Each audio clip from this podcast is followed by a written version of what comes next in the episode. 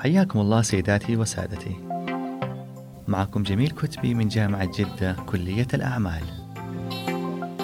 وأهلا وسهلا بكم في هذه الحلقة من بودكاست سايدوز.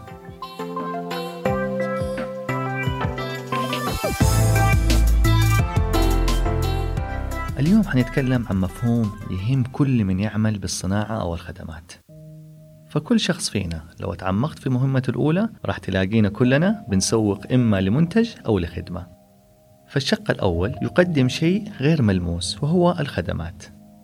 فالمعلم يقدم خدماته التعليمية والطبيب يوفر خدماته الطبية والمستشار يطرح خدمات وحلول تطويرية وهكذا. أما الشق الثاني فيوفر شيء ملموس وهو المنتجات زي شركات الحاسبات والهواتف وشركات السيارات وشركات الأغذية وهكذا. في كلا الحالتين أنت مطالب أنك تفهم دورة حياة المنتج أو الخدمة Product Life Cycle. والأسباب كثيرة لمعرفة هذه الدورة وفهمها فهي تمكنك من أشياء كثيرة منها تحدد الاستثمار المطلوب في كل مرحلة من هذه المراحل. أيضا راح تقدر تتعامل مع الطلب وتوازنه بسعتك الإنتاجية وسلسلة إمدادك. كمان حتفهم الشريحة السوقية المستهدفة في كل مرحلة. بالإضافة ذلك تقدر تتنبأ بالمبيعات والأرباح لدرجة معينة قبل كل مرحلة. وتستطيع تحديد مواصفات الحملات التسويقية اللي تحتاجها في كل مرحلة أيضا.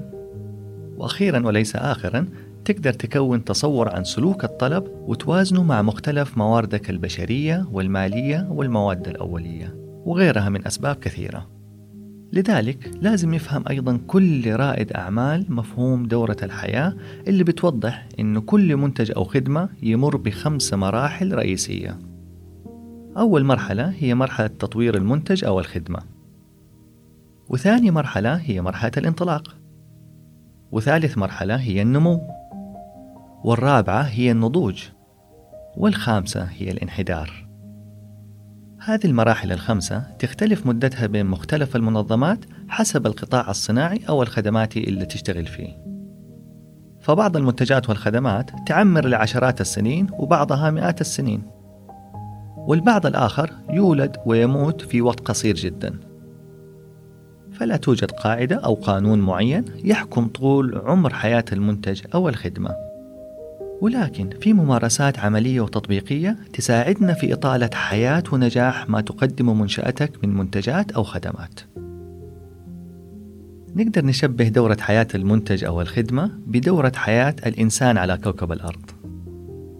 فالإنسان يخلق نطفة في بطن والدته ويحتاج تسعة أشهر ليتحول لإنسان مكتمل النمو.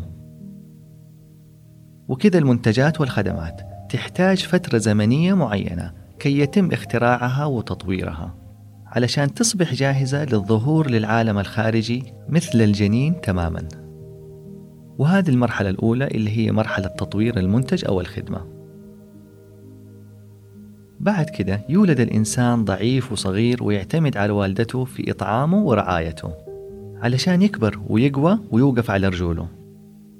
وكذلك المنتجات والخدمات. تتولد ضعيفة غير مستقرة ومعرضة للمخاطرة لدرجة عالية.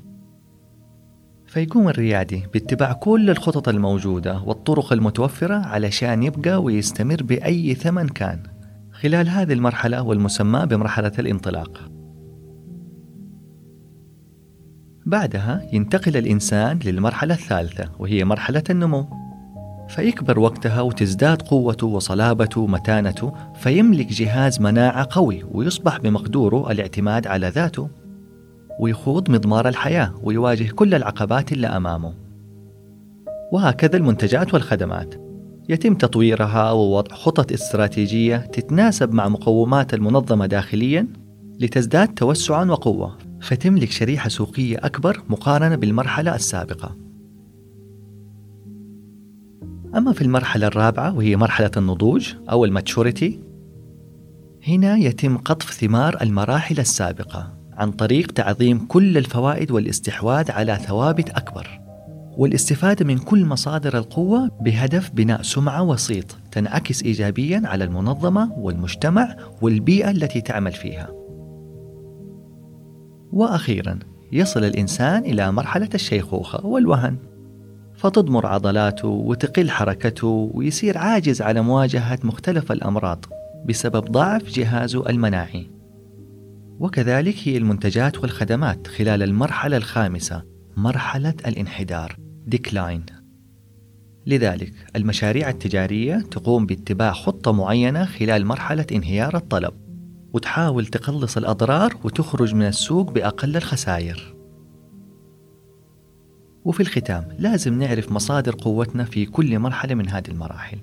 علشان نتحكم في إنتاجيتنا وربحيتنا ونقدر ننمو بطريقة ذكية وريادية. يقول عز من قائل ثم خلقنا النطفة علقة فخلقنا العلقة مضغة فخلقنا المضغة عظاما فكسونا العظام لحما ثم أنشأناه خلقا آخر فتبارك الله أحسن الخالقين. صدق الله العظيم. شكرا على طيب وحسن إصغائكم. ملتقين في الحلقة القادمة بحول الله. دمتم بخير. thank you